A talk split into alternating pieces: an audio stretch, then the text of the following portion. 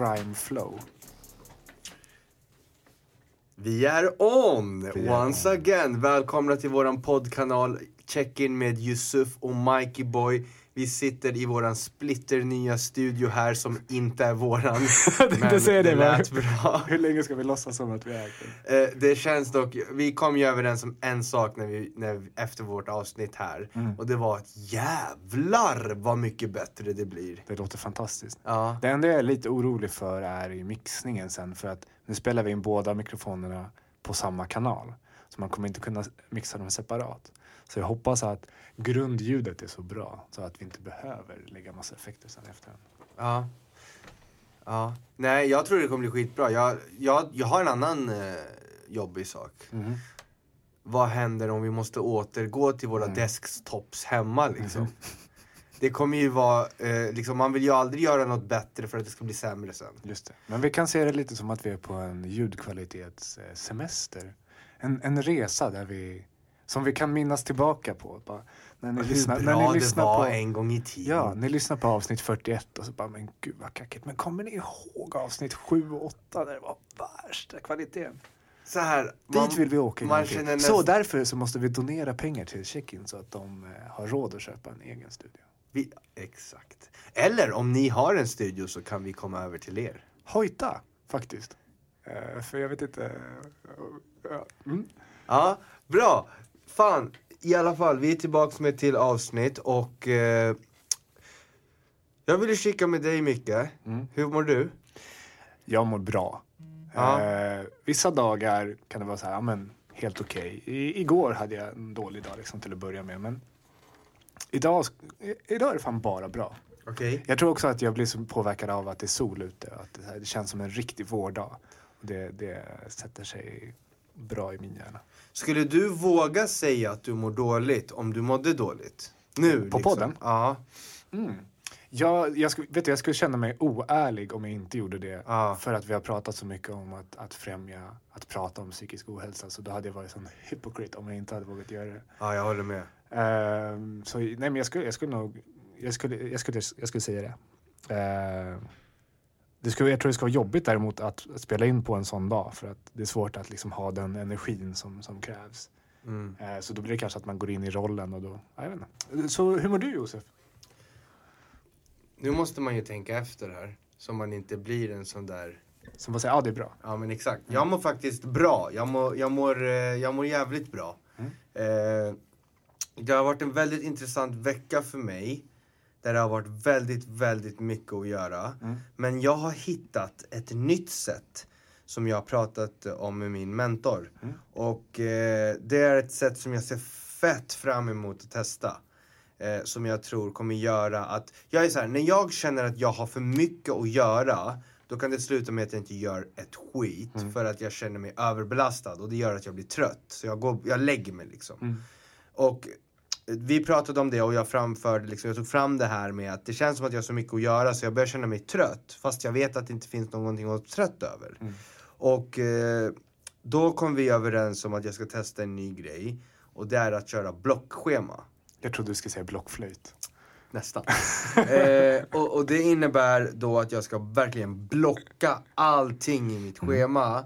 Och verkligen lägga typ en färgkategori för allting. Till och med om det är för att äta eller för att vila eller för att ta det lugnt och ha kul så ska det blockas.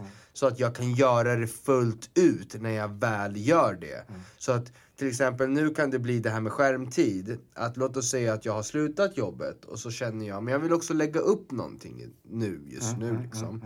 Så egentligen är det en privat tid där jag ska ta det lugnt men då sätter jag kanske mig med Instagram för att lägga upp någonting och det blir ju ändå ett typ av jobb. Det gör att jag kanske börjar gå och gräva i massa jobbfiler och sånt för att kunna lägga upp någonting. Och då blir det att jag hela tiden försöker göra mer och ha mer att göra och det kan göra att jag känner mig stressad. Eh, och så vi, det vi ska testa nu som sagt är att verkligen blocka allting.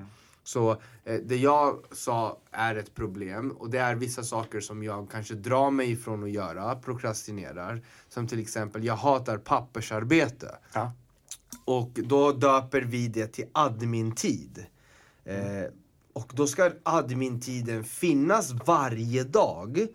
Men kanske blockad klockan tre till halv fy, fyra har jag admin-tid och sen har jag kanske en admin to-do-list.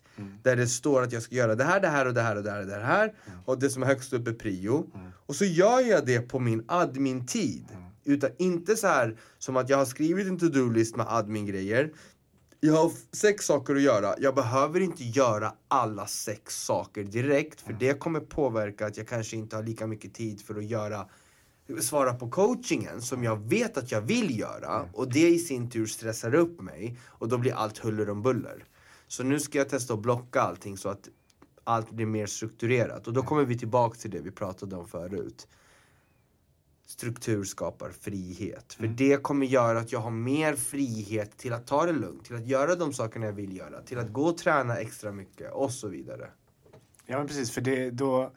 ehm, det, när, det, när du väl är utanför det blocket, jag antar att när du säger block så är det liksom alltså en, en, en, en slott av tid. Liksom, att, Ja, exakt. Och Som- så har jag lagt en färg på den Ja, typ. precis. Och när, när du då är utanför den, när du inte har några block, då, då ska det bara vara lugnt. För att då vet du att du har gjort dina block innan. Så Ja. då, då finns det frihet. Då kan man, det är som det här att man, man säger att man inte kan vara ledig om man inte har ett jobb.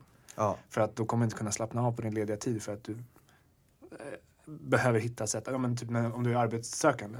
När jag var arbetssökande så är det så här, ja, men man, man går hem och man är ledig hela tiden. Så bara, ja, men vad, vad skönt för dig som går hem och är ledig. Nej, det är inte skönt för jag är inte avslappnad. För jag tänker hela tiden på att, hur ska jag få jobb? Så då är det, man, man uppskattar ju liksom den lediga tiden mycket mer om man väl har jobb. För då kan man slappna av under den tiden. Förhoppningsvis kan man slappna av under den. Förhoppningsvis. Jag tror att det, exakt. Jag tror, att man, jag tror inte man kan bara oh shit nu jävlar ska det blockas. Mm. Och jag ska liksom få struktur på allt. Utan jag tror att det här är också ett träningsmoment. Du behöver bli bra på det här. Mm, definitivt. Du behöver bli bra på att bara okej. nu står det faktiskt vila på schemat. Och eh, då vill jag sätta på en serie. Mm. Och det gör jag för att jag kan göra och ska göra det just nu. Mm. Det är inte jobb, så när jag imorgon däremot har jobb på schemat, Mm. då ska jag tänka på hur jag ska lösa det där problemet som jag inte kan lösa, lyckas bli färdig med att lösa idag. Mm. Och så tar man det då. För let's face it, speciellt när man driver eget, det finns alltid mer att göra. Det finns alltid någonting mer du kan göra, så du blir nästan aldrig färdig. Och om det fortsätter så, så kommer du börja känna dig utmattad. Du kommer börja känna att det du gör inte är lika roligt att göra för att du får ingen belöning utav det. För det blir aldrig klart. Du snurrar bara runt i en loop av att göra mer. Och det i sin tur skapar den här tröttheten hos en. Mm. Så jag är väldigt intressant på att testa det. Eh, jag har liksom blockat upp allting nu och verkligen färg, fixat färger till kul, allting. Eh, och sen har jag lite andra tricks och knep som jag märker liksom gör så att jag sparar tid. Allt blir mer effektivt. Till exempel har jag blockat, eh, jag, inte blockat, alltså tagit bort, men jag har blockat Instagram i mitt schema. Okej. Eh, Så du har specifika instatider? Ja, jag har två instatider per dag. Och eh, jag har dem eh, varje dag, måndag till söndag.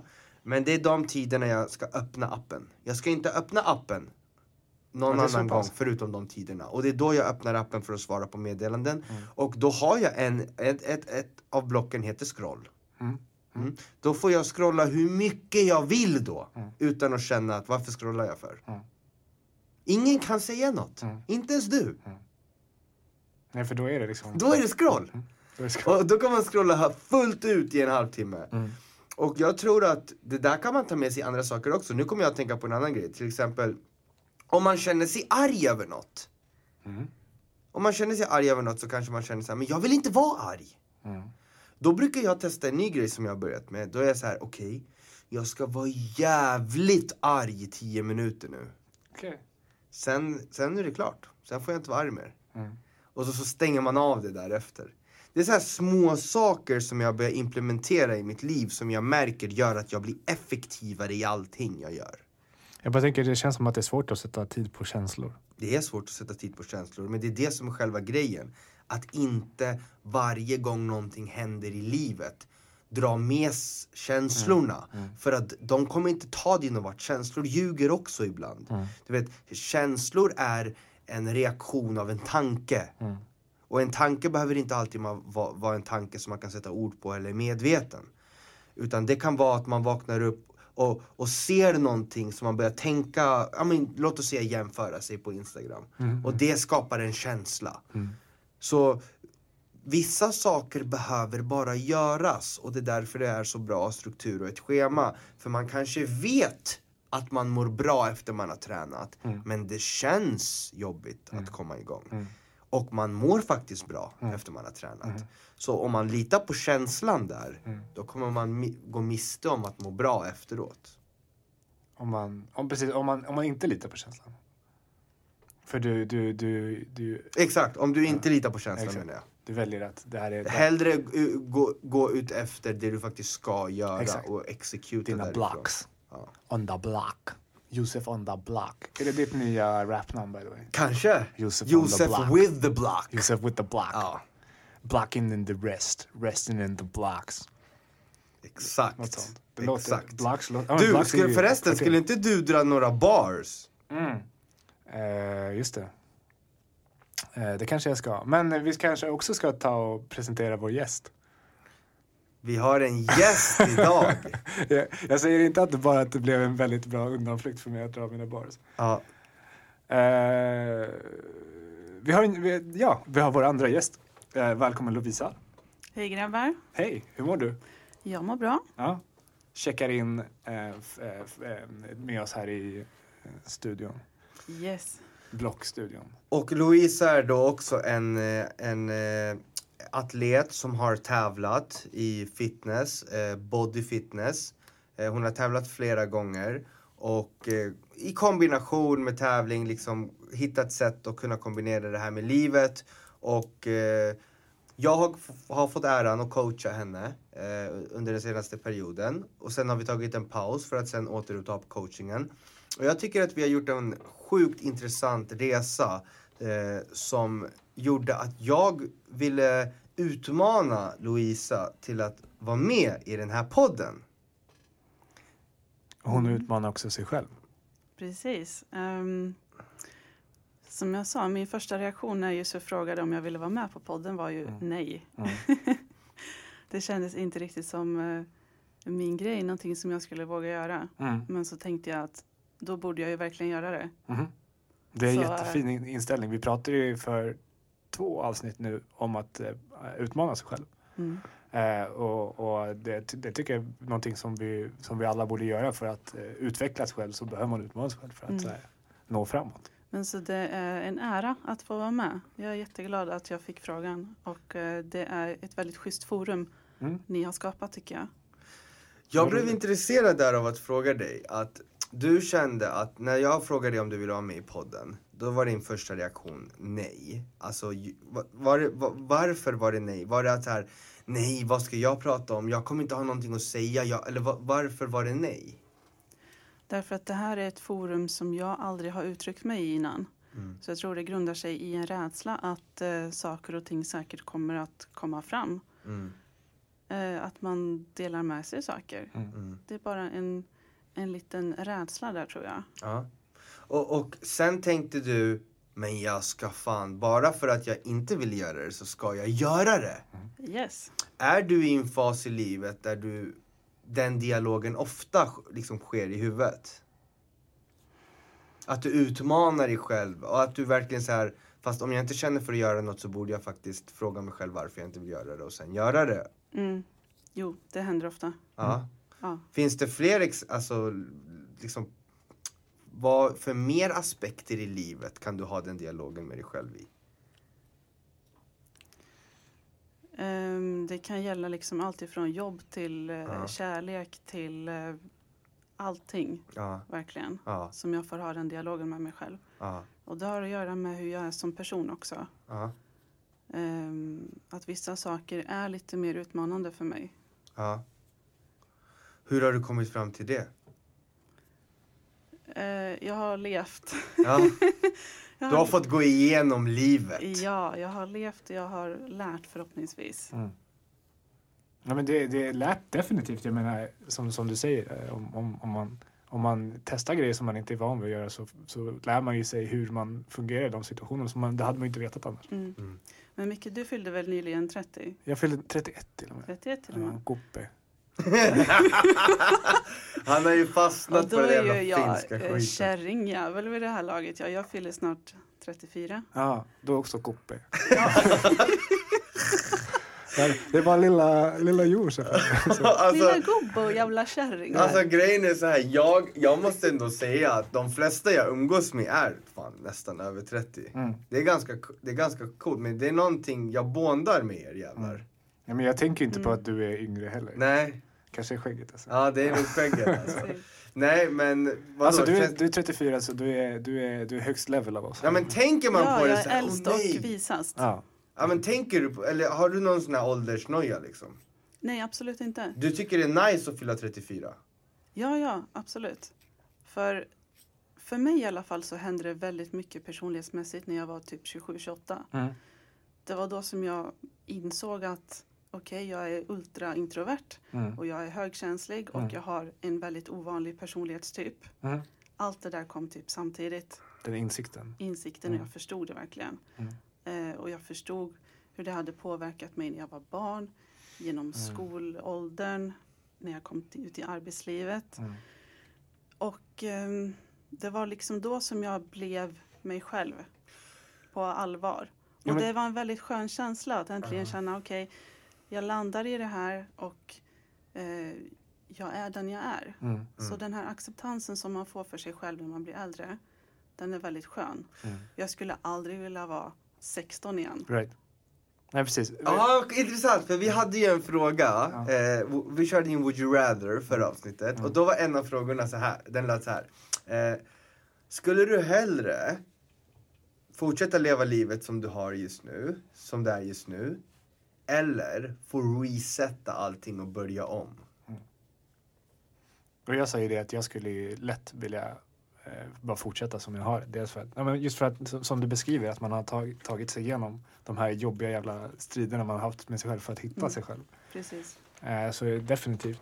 Eh, och jag tänker det måste vara så fantastiskt, inte, inte bara den här bara, ja, men, eh, att man får en insikt om, om eh, hur man själv funkar som bara, ja, men det gör att jag kan agera så här, så här nu. Men också det här att kunna se tillbaka och att fatta att aha, det var så här, det var därför det blev så här. Liksom, och, och, och ens, he- alltså basically hela ens liv flashar förbi liksom, så här, med den här nya kunskapen. Mm. Det är lite som vi återigen förra avsnittet pratade om Shawshank Redemption. Där det är så här, en sån film där de flyr från ett fängelse i slutet och under, under filmen så får man så här, om man ser filmen igen så kan man se alla små detaljer som man fattar. Jaha, de, de gjorde sådär nu. Ja, nu lägger man märke till sådana grejer. Mm. På samma sätt då med sitt liv, att man, man lever sitt liv och under tiden så fattar man inte vad det är som händer förrän i slutet när man får den insikten. Och då, om man tittar tillbaka så kan man, alla bitarna faller på plats. Liksom. Mm, precis.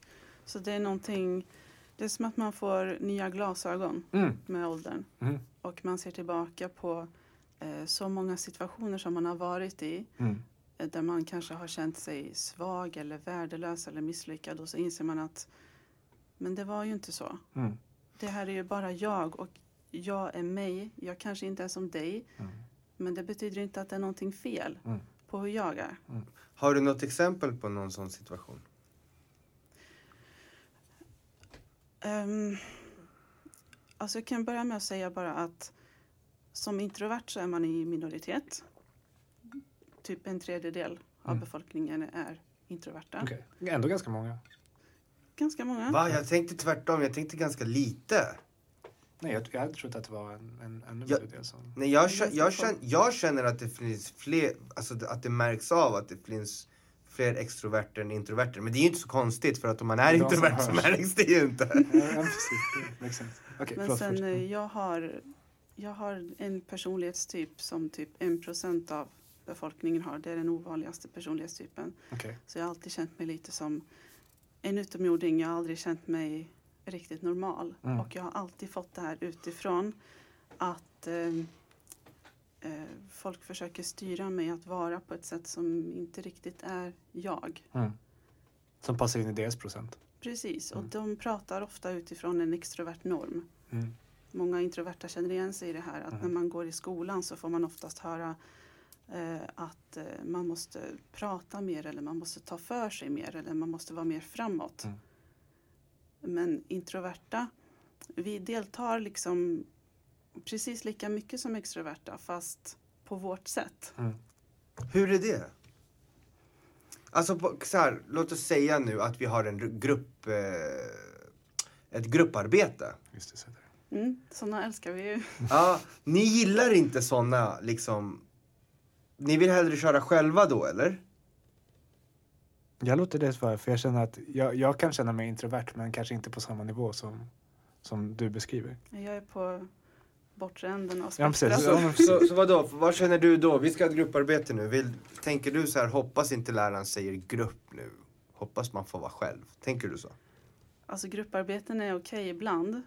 Men man behöver inte ha det hela tiden. Ja. För jag tycker, eller jag kan gilla att sitta själv och fundera på saker. Jag processar saker eh, liksom på egen hand. Jag tänker innan jag talar. Mm. Så att sitta typ och brainstorma i en grupp där folk bara kräks Mm. ur sig idéer Mhm. till höger och vänster. Mm. Jag hade lätt velat Men- ha ett individu- individuellt arbete framför grupparbete, definitivt. Alltså jag tänker ju så här när, när jag hör det här. Det är ju att man kan ju vara introvert i vissa situationer och extrovert i andra situationer. Alltså det behöver ju inte bara vara så här, där är Yusuf, han är jävligt extrovert.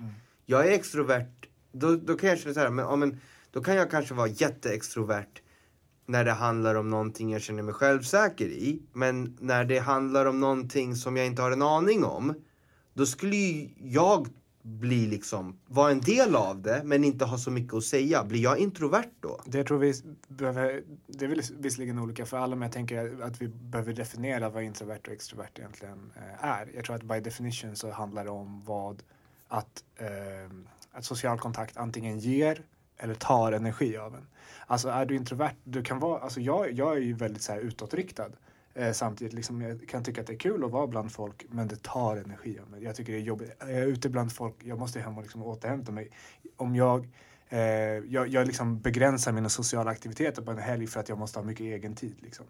Medan en extrovert är en sån som får energi av att vara med folk. Av att liksom, okej. eh, kan vara den som ofta är den som hör av sig för att man liksom vill hänga med folk hela tiden. Ja men då måste jag säga att wow, jag måste, jag är verkligen extrovert. Mm. Samtidigt så här, jag, jag tänker så här, ja, ja, när jag är med människor då får jag fett mycket energi. Jag, jag, kan, jag kan gå igenom något jobbigt och sen tack vare att jag är med, är med människor så kan det gå bort. Mm. Men kan inte det vara så för er också? Det handlar ju mer om vem man är med. Alltså för all del, eh, för- för min del så kan det vara, alltså det är ju betydligt mycket skönare om det är någon man är bekväm med. Mm. Eh, där inte den eh, sociala stressen blir lika, det, det tar inte lika mycket energi att liksom vara med någon där, där man måste inte vara på ett visst sätt eller liksom på så sätt. Och det beror också väldigt mycket på vem, hur den andra personen är. Eh, om man är, om en, typ med dig, du är ju väldigt eh, drivande i samtal så att Ja. säga. Du, du, du sköter dig själv liksom Ja. ganska mycket. Det värsta är att liksom om man ska hänga med någon som är så här, ja men jag bara, ja men hur, du, hur mår du då? Så bara, det är bra. Och så blir det bara tyst. Den, alltså den, jag bara får ont i magen när jag tänker på liksom den typen av dialog. mm. Men då tänker jag så här, då är det jobbigare för en introvert person att vara med en introvert person. Nej. För det är ju så det blir i så fall. Alltså, det beror väl lite på om man, eh, om man känner till att den andra är introvert också. För om, om, om, om vi skulle hänga och du vet hur jag är och jag vet hur du är. Då är det så här, men då vet vi att vi- det är fine att det är tyst. Då kan, man, då kan det liksom vara att det gör ingenting om, om vi bara sitter, alltså umgås separat. Eller liksom så här, man sitter, då vet man att jag är mer bekväm med att umgås med dig om vi typ gör en aktivitet samtidigt. Precis. Men sen en vanlig missuppfattning tror jag är att eh, man är asocial eller Mm. typ folkskygg när Mhm. man är introvert. Mm. Men vi är precis lika sociala som andra fast vi är det på ett annat sätt kanske. Eller att man har en preferens för vilken typ av relationer man vill ha. Eh, jag har liksom många vänner och bekanta men jag har ett fåtal människor som jag väljer att umgås med som faktiskt får min tid. Mm. Så jag ger inte min tid eller min energi till vem som helst. Mm. Därför att när jag umgås med människor så tar det energi oftast. Precis Så jag likadant. behöver verkligen vara väldigt selektiv Mm. Helt enkelt. Varf, jag tänker varför är det så? Vad är det att det, vad är det som gör att vissa är introverter och andra är extroverter? Har det, är det någonting man föds som? Eller har det att göra med vad man går igenom i livet? Det är medfött. Det är liksom ett grundläggande personlighetsdrag. Okej. Men Men, det måste ju då vara liksom på något sätt hur jag tänker mig så här, hur, hur belöningscentrat i hjärnan är kopplat till vilka känslor det är kopplat till och sådana grejer. Jag tänker mig någonstans på ett rent, eh, nu, nu killgissar jag som fan, men alltså någonstans att det eh, är flockmentalitet, att det liksom att eh, människor kanske är flockdjur och då borde det vara rewarding att vilja vara social för att Eh, Eh, för att eh, det är en evolutionär fördel att vilja vara i en flock för att då har du större chans att överleva, typ sådana grejer. Så att eh, det är väl liksom någonting som styr det och då om det styrs åt andra hållet så blir det snarare att man blir extrovert. Och det är det jag menar då att, att en tredjedel av befolkningen som du sa eh, då är introverta. Så här, men då kan det inte bara vara en, en genetisk defekt eh, så att säga liksom, som gör att det är det utan då är det ju ja det är intressant eller hur? Förstår du vad jag menar? För så här, om jag säger så här. In, en, en, eh, en introvert person Mm. Har den, så som du förklarar det, vadå? Har den svårare för att överleva? Inte i dagens samhälle. Nej, men i, ett sånt, i en sån situation där man behöver ha en flock. Alltså, det, det låter som att det är det jag säger. Så ja, Får jag bara flika in Ja. där att jag tror att vi är lika viktiga för artens överlevnad om man kan säga så. mm, mm. Därför att det behövs de här extroverta människorna som liksom inte tvekar att gå ut och utforska och se nytt. Mm. eh, Är lite mer äventyrliga och framåt. Mm. Men det behövs också de som är eftertänksamma och lite försiktiga och strategiska och analytiska. Och liksom kanske tar ett steg tillbaka innan de går framåt. Mm. Så vi behövs allihopa. Mm. Mm. Intressant, för det jag tänker det är att det känns ju verkligen som att när man i samhället säger så här, ja men där är en introvert person, där är en extrovert person. Det känns som att man mycket utgår ifrån hur den personen beter sig Mm. i sociala sammanhang i form av att om det är en människa som är folkskygg eller vad man säger, säger man så? Ja, absolut. Ja, då, då säger man det där är en introvert person. Mm. Om det är en människa som typ "Åh", jåkrar sig och skriker och säger "Åh, vi ska ta över världen. Då är det en extrovert person. Men, det ju- det, Men det är det vi försöker prata om här, att det är inte så det är. Jag skulle säga att det är som någon sorts, eh, är inte det de här eh, fyra personlighetstyperna med det här grön, röd, blå, gul och hela den här grejen. Eh, att liksom att, jag är ett prime exempel på motsatsen till det, det du beskriver. För jag upplevs ju som väldigt social, väldigt utåtriktad, väldigt så här, jag, jag är bra med folk. Och jag kan tycka att det är kul att vara med folk, men det tar min energi. Så därför undviker jag ibland sådana situationer. Men när jag väl är i de situationerna så är jag väldigt utåt och utåtriktad. Medan samtidigt så kan det ju finnas någon som är inte gör så mycket väsen av sig, som sitter mest tyst i hörnet, men som ändå är med på de här grejerna och mår skitbra av det. Men du kommer inte höra det, för den kommer inte berätta det för dig. Så att det, är liksom, det, är, det, det är lite som en sån... Det, de är inte alls nödvändigtvis sammanlänkade, de två skalorna, så att säga. Vad skulle du säga? Nej men alltså återigen att introverta är verkligen delaktiga på sitt sätt. Ja, Men de kanske inte märks av alla gånger. Mm. För vi kanske sitter tysta och lyssnar. Mm. Vi är väldigt bra lyssnare. ja. Och vi pratar kanske inte så mycket som de extroverta gör. Hur har det här påverkat dig i allt som har med fitness att göra? Alltså folk har ju svårt att förstå att jag kan ställa mig på en scen nästan naken Mm. och liksom inför fullsatt eh, med folk och publik och, och tävla liksom när jag är Mm. introvert. Mm. Men för mig så blir det någonting liksom som jag gör med kroppen, någonting fysiskt, någonting konstnärligt nästan. Mm. Så då känns det inte på samma sätt för mig. Men om jag skulle stå där och behöva typ hålla tal, Just det. Eh, det skulle inte jag fixa. Mm. Och ändå så är du med i den här podden. Mm. Det är intressant. Mm. Men eh, när du sa att du ville filma podden, Ja. då sa jag nej. För det kändes, vad kände du då? Varför, vill man inte, varför ville du inte det? Eh, nej, jag ville inte det bara. Ja, Det är inte riktigt min grej. ja. Vad skulle hända om vi gjorde det liksom? Skulle du bli obekväm då? Säkert inte. Jag skulle säkert glömma av mig efter ett tag. Ja. Men eh, Men det jag tänker mig att det blir är att det blir eh, det du beskrev, så här, ja, men när man står på scen så är det det fysiska. Då är det mest, nästan alltså kroppen är ens produkt. Liksom. Mm. Det blir ett, eh, eh, dis disconnected från psyket så att Mm. som är det som man kanske är lite, eh, lite rädd om. Eh, och när man sitter och spelar in en podd då är, det, så, ja, men då är det ganska anonymt för att det är bara ens röst som hörs. Det är som i ett samtal. mm, Men om man då skulle filma den podden då blir det verkligen båda delarna tillsammans. Att då, då syns man och hörs. Och liksom, eh, både hur man ser ut och eh, ens, eh, ens tankar samlade Mm. på samma ställe. Så det blir dubbel exponering. Så att säga. mm. Mm. Och som ex- introvert vill man inte exponeras. jag, jag tycker inte om att stå i centrum riktigt. Okej? Det kanske har, alltså jag är blyg också. Ja. Så jag gillar inte att ha alla ögon riktade mot mig. Mm. Det, då känner jag mig väldigt Och båda vi obekväm. sitter och kollar på din. Ja. Okej. Men, men alltså det här det har ju att göra med också vad, vad mitt nervsystem upplever som hotfullt. Mm. Jag kan inte riktigt styra över det. Mm. Men om jag skulle ställa mig inför typ en fullsatt aula Mm. då skulle liksom mitt nervsystem bara snurra igång på alla cylindrar. Mm. Jag skulle liksom bli torr i munnen, jag skulle kanske börja kallsvettas, Mm. skulle börja skaka. Därför att min kropp upplever det som någonting väldigt hotfullt. Mm. Förstår ni vad jag menar? Mm. Ja. Jag förstår vad du menar men samtidigt kan jag inte alls relatera. För jag är helt motsatt. Jag älskar att stå på scen. Vad händer i din kropp?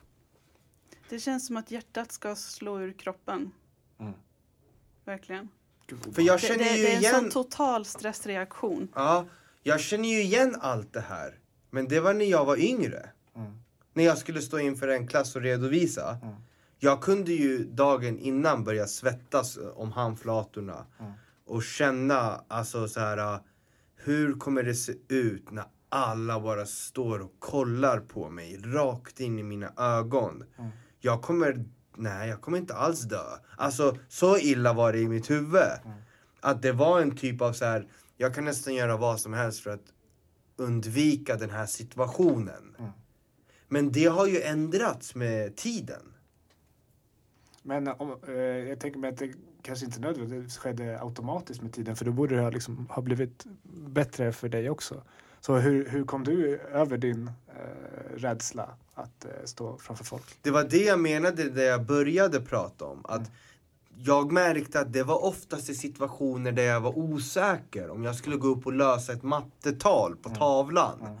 Då blev det så. För att jag var rädd för situation, vad som skulle hända när jag gjorde bort mig. Att göra bort sig? Mm. Jag ville inte bli exponerad för mycket. Mm. Så när jag väl gjorde det på scen så var jag såhär motherfucking I'm gonna show you how great I am. Alltså det här, är- det här måste ni få se, jag vill upp nu. Så det kändes som att jag var olika beroende på situation. Ja, men det är det jag tänker. Att, jag menar, just inom eh, kroppssport, heter Ja. det så? Där är det, alltså, det finns ju inte jättemycket chans att egentligen göra bort sig eftersom jobbet är redan gjort. Eh, det mesta liksom när man väl går upp på scen. Utan då är det mest bara att visa upp vad man redan har gjort.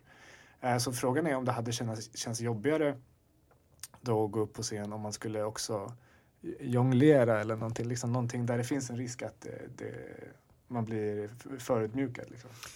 Ja för det, ja, ja. För till exempel du dansar ju också Louisa. Mm. Och det är samma sak där. Jag kan Ja. dansa obehindrat. Eh, liksom rör mig inte i ryggen om det är tusen människor som ser. Ja det är ja. Där dog ju, nu dog ju min teori. Ja men exakt, det, men det är ju det här jag försöker, eh, det är därför jag frågar alla de här frågorna. Coolt Något- oavsett. Någonting jag försöker komma fram till.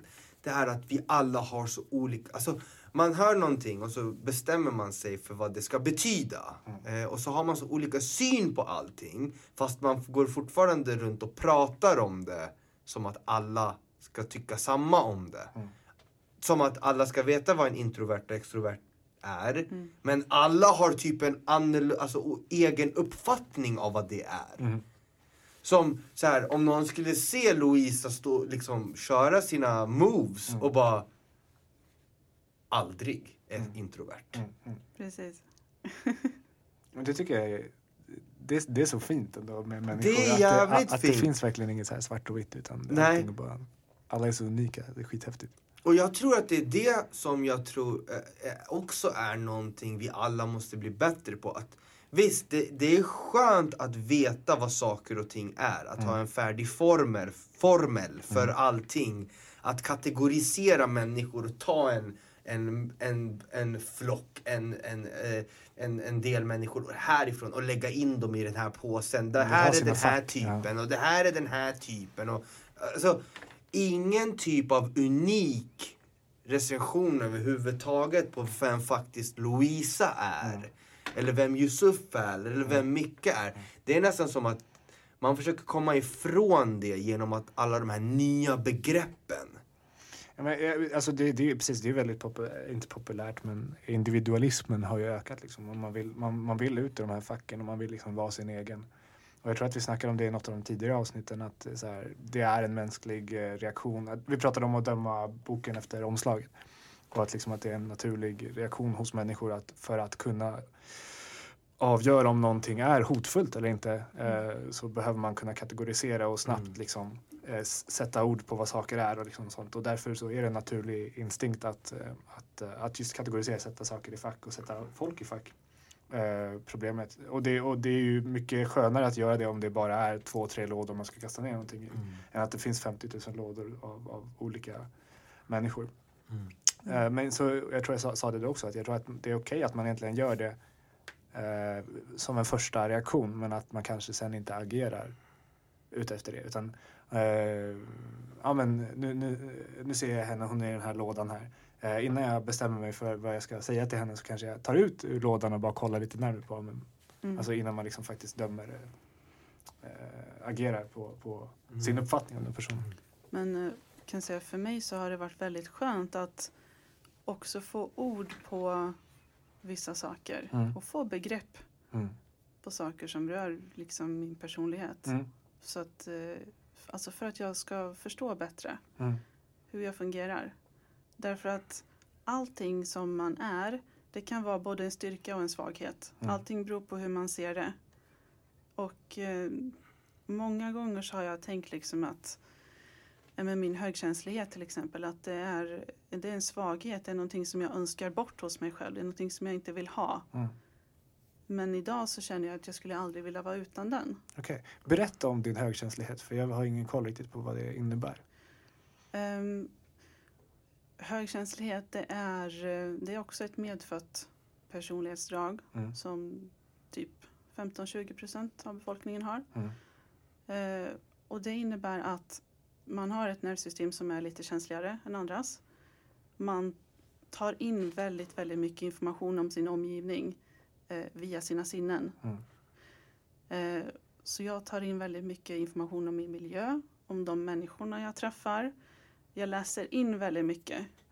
Utan att folk behöver säga någonting så kan jag liksom känna av sinnesstämningar, kan känna hur folk mår. Mm. Mm. Eh, Så att min hjärna jobbar liksom hela tiden med att ta in den här informationen. Mm. Allting jag ser, allting jag känner doften av eller allting som jag hör. Mm. Jag reagerar mycket starkare på det. Och jag processar det på en djupare nivå. Mm. Det är det som högkänslighet är. Just det. Varför tror du att du är så? Jag vet att jag är så. Ja, varför eh, vet, alltså hur, liksom, varför tror du att du är så? Alltså, Alltså det jag inte menar är så här. Jag menar typ så här. Vad är det som gör att en person att den blir, är det att man är född så eller ja, är man är född så. man är född så? Man är född så. Och Men- det kan man liksom ganska enkelt eh, kolla själv. Det finns ju eh, tester och, och så liknande. Ehm, och sen högkänslighet ser olika ut hos olika människor. Mm. Precis som introversion tror jag. Att det Mm. ger sig olika uttryck. Så min högkänslighet ser ut på ett visst sätt. Jag är väldigt känslig för starka ljud till exempel. Mm. Eh, jag hatar polissirener. Eh, kyrkklockor som ringer väldigt länge. Vad händer då? Jag kan inte koncentrera mig på någonting annat när Okej. jag hör sådana ljud. Eller typ en dörr som smäller igen väldigt högt. Mm. Eller starka ljus. Mm. Eh, Mm. och sen så, jag har högkänsliga vänner som typ har andra känsligheter. Typ att Mm. de, ehm, de klarar inte av starka dofter Mm. eller äckliga dofter för att då kräks de nästan. Ja, Min, min Vad händer, förlåt, om man utmanar det? Alltså, man, man, man blir stressad, Ja, tror jag. vad alltså, händer? kroppen reagerar med, med stress därför att det är någonting som mitt nervsystem upplever som jobbigt. Ja. Om Som jag- träning typ? Ehm, det kanske det också kan vara. Som när du går till gymmet och ska utveckla en muskel typ. Mm, Då utför du den, då, då, du, du pressar den under stress. mm. För, och vad händer, vad händer om man pressar sådana egenskaper under stress? För, förstår du vad jag menar? Låt oss säga att du, du har en biceps, kör en biceps curl och du maxar stress på den i form av att du pushar den. Den blir starkare. Funkar de här typen av karaktärsdrag på samma sätt tror du? Alltså just högkänslighet, det har att göra med, som jag sa, dina sinnen. Ja, Så exakt. att det är in- är inte lika relaterat till just träningen tror jag. Det är Kan mer du liksom- träna dina sinnen? Bra fråga. Förstår du vad jag menar? Men det, det jag tänker lite är ju att det, det du är inne på nu är att eh, kunna träna bort sin högkänslighet. Ja, Men det som vi behöver, det, det vi avbröt i när jag bad dig förklara var ju att du, du ser inte, du har vänt det till att se det som en styrka istället. Det är någonting som du inte vill träna bort utan det är någonting som du, du tycker om att du har. Ja, därför att högkänsligheten det gör att man känner allting mycket starkare. Mm. Och det är på gott och ont, ja.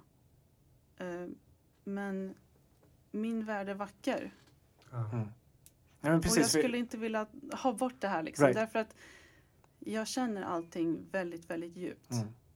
Och men, men det som har varit utmaningen för mig är ju att försöka anpassa mitt liv lite grann efter min högkänslighet Mm. och inte ignorera den. Mm.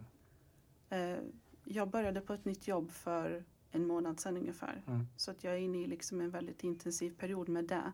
Med informationsinhämtning och att lära mig. Då är det väldigt viktigt att jag planerar mitt liv utifrån hur ser min vardag ut. Mm. Jag måste varje dag göra tid för mig själv där jag bara kan ta det lugnt och få liksom ett andrum. Har vi hört det här förr? Mm. Mr Vila on the block. Exakt, exakt. Och Det är det, också on the block. det är typ det här jag försökte lyfta. Att jag undrade om man... Om hur ni ser på att eh, allting är på både gott och ont. Och det man tycker är på ont, Mm. att kunna utveckla även det till styrkor. Men jag, jag, jag tror, om jag, if, I- if I may, att problemet blir att om du, om du liksom eh, om, om det man tycker är vackert är att man känner så mycket. Om man då, det är ju på grund av att man har en överkänslighet i det för att du tar in alla intryck blir mycket starkare.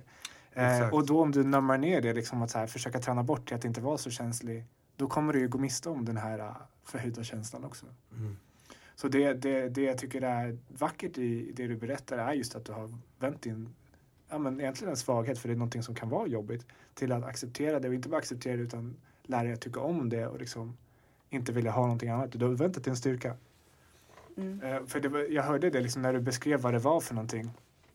Så bara, okej, men jag ser, okej, det här är jobbigt, det här är jobbigt, det där är fett coolt, det där är fett bra. Just det här att, att kunna läsa av situationer, att kunna läsa av känslor gör ju en till en väldigt värdefull tillgång i ett socialt sammanhang också. För att, att du kan, du märker hur folk, okej, det här, den här personen säger att han mår bra, men jag ser väldigt tydligt att han inte mår bra. Han ställer, sänder ut signaler som jag plockar upp för att jag är överkänslig. Eller nu, nu är jag du i det här fallet.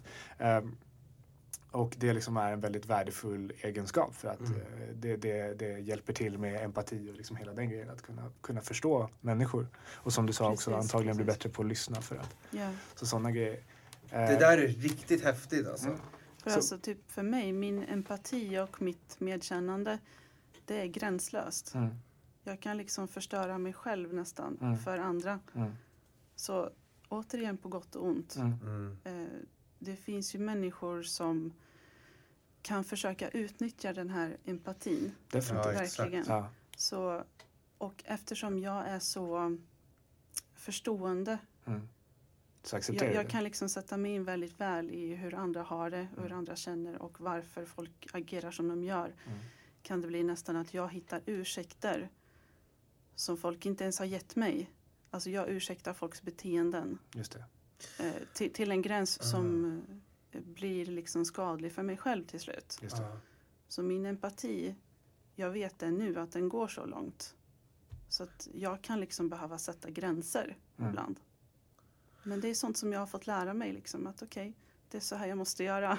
Men då blir jag så här. äh, Anledningen till att jag ställer alla de här utmanande frågorna är för att jag tänker så här. det- Eller det, det resultatet av att ställa de utmanande frågorna för mig till dig blir att jag känner att wow, vilken självinsikt hon har. Mm. Hur? Är det genom, liksom med tiden, eller har du gjort något speciellt för att kunna djupdyka så här och ta reda på de här grejerna och bara, jag är så här, så här och så här och så här. För vi har ju pratat om det förut, att ett av de jobbigaste sakerna i ens liv kan oftast vara när man känner någonting, men man vet inte varför man känner det. Inte kan sätta ord på det. Man kan inte sätta ord på det och det kan skapa en känsla av frustration som får en att känna sig vilsen och så här. Vad är det som händer? Mm. Du verkar ju ha kommit fram till väldigt mycket. Hur har du gjort det? Um, alltså jag har, jag har mina nära re- relationer. Det är alltså människor som jag kan räkna dem på en hand. Mm. Det är de som står mig närmast. De har hjälpt mig jättemycket. Det är människor som jag verkligen älskar. Jag har också läst mycket. Och allt det här har kommit liksom i omgångar till mig. Och jag har liksom försökt förstå hur jag är. Eh, alla mina konstiga personlighetsdrag. Mm. Och eh, den här känslan liksom av att man är svag eller värdelös eller att man är Mm. dålig. Jag måste se det i ett annat ljus liksom. Mm. Och man växer upp, man blir förhoppningsvis klokare och visare ehm, och lär sig liksom.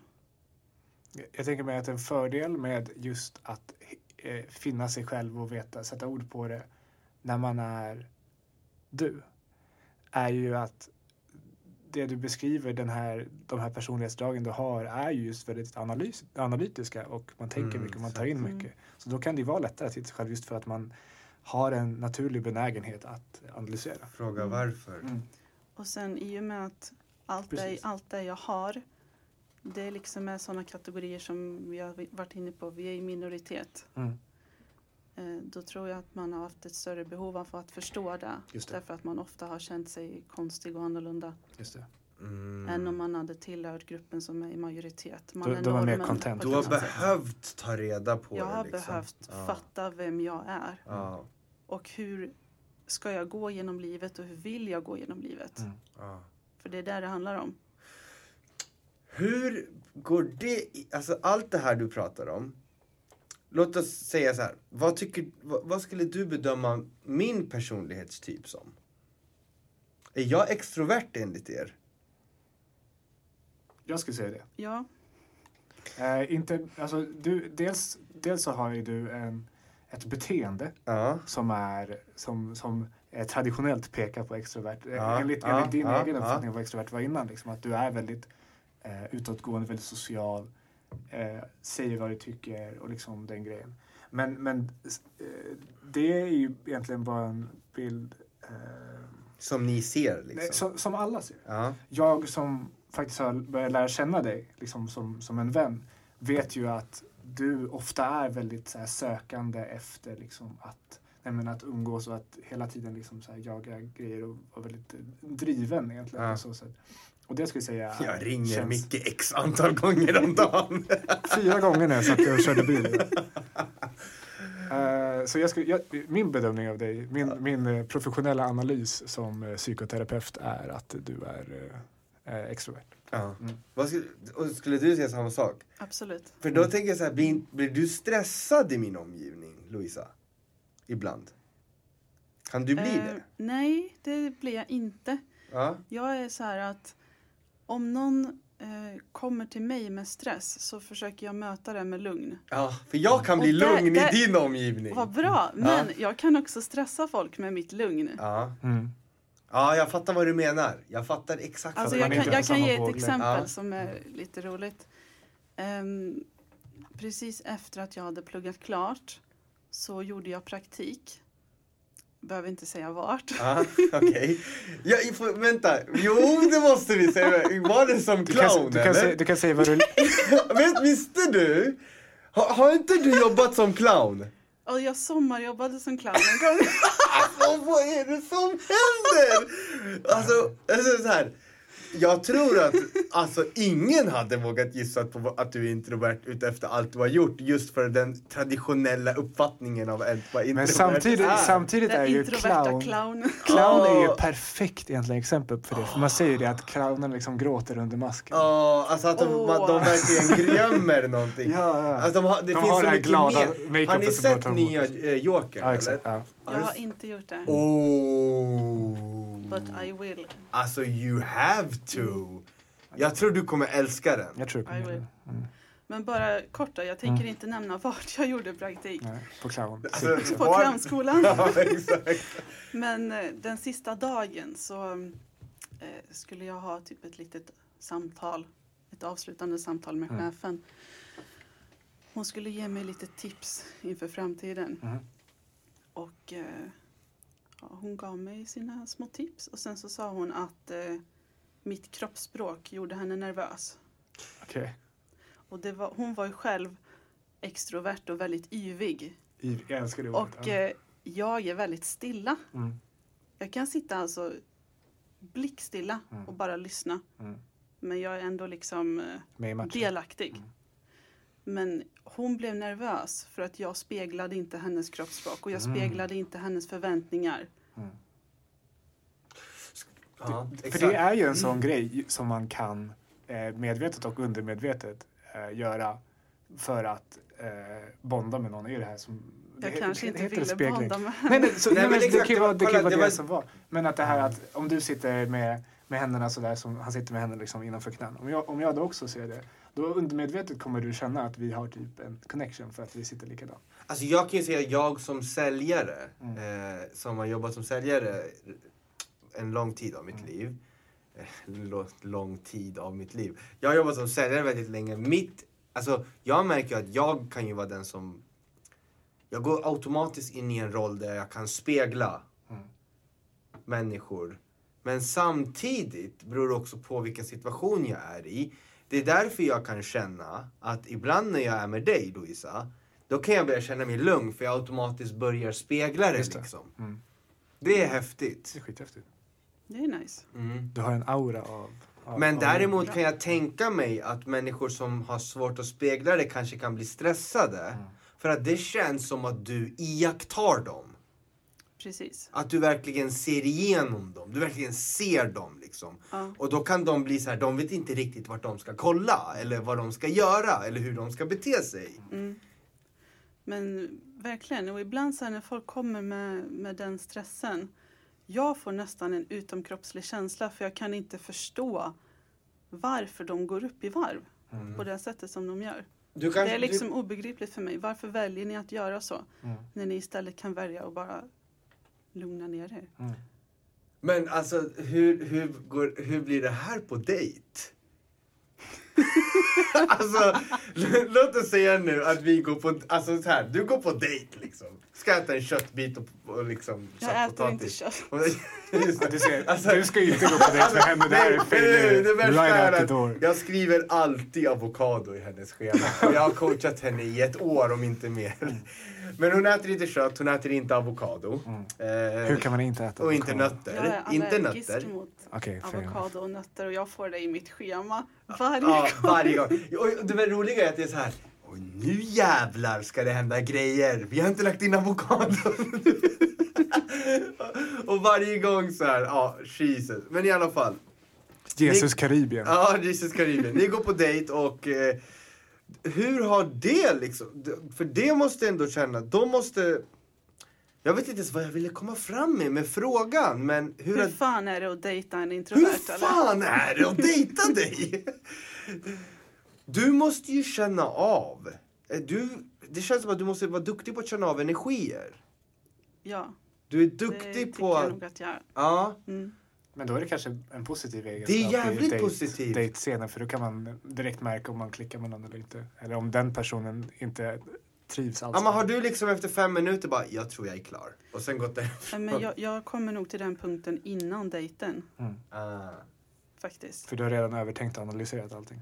Nej, alltså jag, det här är också på gott och ont, men jag kan känna liksom direkt med en person om det här är någon som jag ens vill träffa. Okej, ja. För ni ska veta, om ni är extroverta och en introvert person pratar med er, då är det en väldigt stor komplimang. Okej, för då har de redan tagit det steget att de har bestämt sig Precis, för att... då ja. betyder det att vi tycker om er. Så du tycker, alltså då, då måste det ju det vara mot mig. Då tycker du ju om mig. Ja, annars hade jag inte pratat med dig, Ja, helt enkelt. Fan vad häftigt. Du, jag tänkte att vi skulle hoppa in, jag skulle ju vilja höra, alltså, det kä- känns som att du är ganska oförutsägbar ändå. För att du är liksom, det är, du blir ju det. Du blir ju Varför det. det? För att, vadå, jag tycker det är positivt. Ja, men, ja, nej, Ja, men du sa ju varför det med den tonen som att det var negativt. ursäkta. Och Det jag menade var att Just för att hon dansar och har clownat okej. Ja, och okej, yes, tävlat. yes. Med. med. Då blir hon ju oförutsägbar. Yes, yes. Eh, så jag tänkte att det skulle bli skitkul att hoppa in i den här uh, Would you rather. Vi, går, vi går tillbaka till det. Vill du köra din accent eller? Min accent? Du kör ju den finska innan vi ska Ah, hoppa ja, in. ja, eh, eh, nu, nu ska vi ställa, ställa lite frågor till Lovisa angående om hon hellre skulle göra det ena eller det andra. Och så låter Alltså, så jävla Le- äcklig vänta, är Leif trött idag eller? Nej, men jag är, jag är lite lugn. Allt, allt, allt, allt, Du ger lyssnarna Oj, oj, oj. panik just nu. Vi hoppar in här direkt allt med här lite frågor. Har du, du har några frågor och Jag har några kvar. frågor. Jag Ja. några kvar ja. Eh, Okej, du börjar. Ska jag ställa till Lovisa Ja, eller ska jag ställa till, Till Louisa. random? Och jag, jag, jag hoppar jag ska ju alltid försöka vara med, så jag hoppar in lite här och där. Okej. Mm. eh, Den, den här är fett hård. Eh, Skulle du hellre veta hur du kommer dö eller när du kommer dö? Hur? Hur? Mm. Men kommer inte, om, om man vet hur man kommer dö, kommer inte det också bli lite så här när? Alltså om du får reda på du kommer dö, det beror på vad, vad det är, men om du, om du kommer dö av en plane crash. Då kommer det ju vara att då, fast då kommer man ju bara undvika att åka flygplan. Precis, men Kan man undvika genom att, att dö? Om man vet hur man ska dö, då kan man ju undvika att dö. Om man aldrig utsätter sig för en situation där det kommer ske. alltså det här är en tuff fråga. Men jag tänker så här att det fina med livet är ju dödlighet på något vis. Gud vad djupt. Ja. Um, alltså, jag vill inte veta när jag ska dö. Mm. Jag vill, eh, jag vill bara leva. Mm. Nej, jag, ska, jag, jag, jag, håller- jag är nog beredd att hålla med dig. För alltså, om man ska veta när man ska dö, vilken stress. Ja, nej, det vill Du man har en inte death clock. veta. Nej. Mm. Du har, så här, du har en stopwatch på telefonen. Bara, ah, men, ska se hur långt är det kvar till nästa set. Vad är klockan nu? Vad står mitt larm på imorgon bitti? Åh, jag kommer dö om tre veckor. Usch. Ja. Bra, Nej, bra Men jag svar. vad skulle också tuff. Josef, hade du hellre vetat hur eller när? Hur? Hur? Ja. Mm. Vi är alla Den överens. är, alltså båda är ju svåra, man vill ju inte veta någon av dem. Alltså, det, det beror ju lite på vad svaret är om hur. Om Ja, men låt oss säga att det är hur så här, du kommer dö genom att ramla från ett berg och sen har Lollo bokat eh, liksom Apolloresa till Grekland och vi ska klättra berg den tredje dagen och då är man så här, ja det kan vara slutet. det kan bli det. Så det är ju också obekvämt. Då vill man ju hellre bara falla och dö. liksom. Samtidigt, vet man att det är när, då kan man utsätta sig för massa crazy shit fram tills dess. Man vet att man kommer ändå inte dö förrän Ja. 2023. Ja, ja, ja, ja, så är det. Men det är jobbigt så här. Låt oss säga att du, det är så här, du ska dö om sju, åtta år. Mm. Och då är du så här. Ja, det är ingen idé ens att börja spara pengar så jag ska bara slösa pengar och sen sätter du i en situation där du får lida i tre år för att du... du, du Ja, precis, det kan ju fortfarande bli att du ramlar ner för att börja bli förlamad i 95% av kroppen, men du dör inte. ja, och den är ju ännu jobbigare. Nu blev den utdragen här. Ja, vi hoppar Okej, vidare. vi hoppar vidare. Eh, jag har en intressant här. Som jag försöker hitta. Och det är.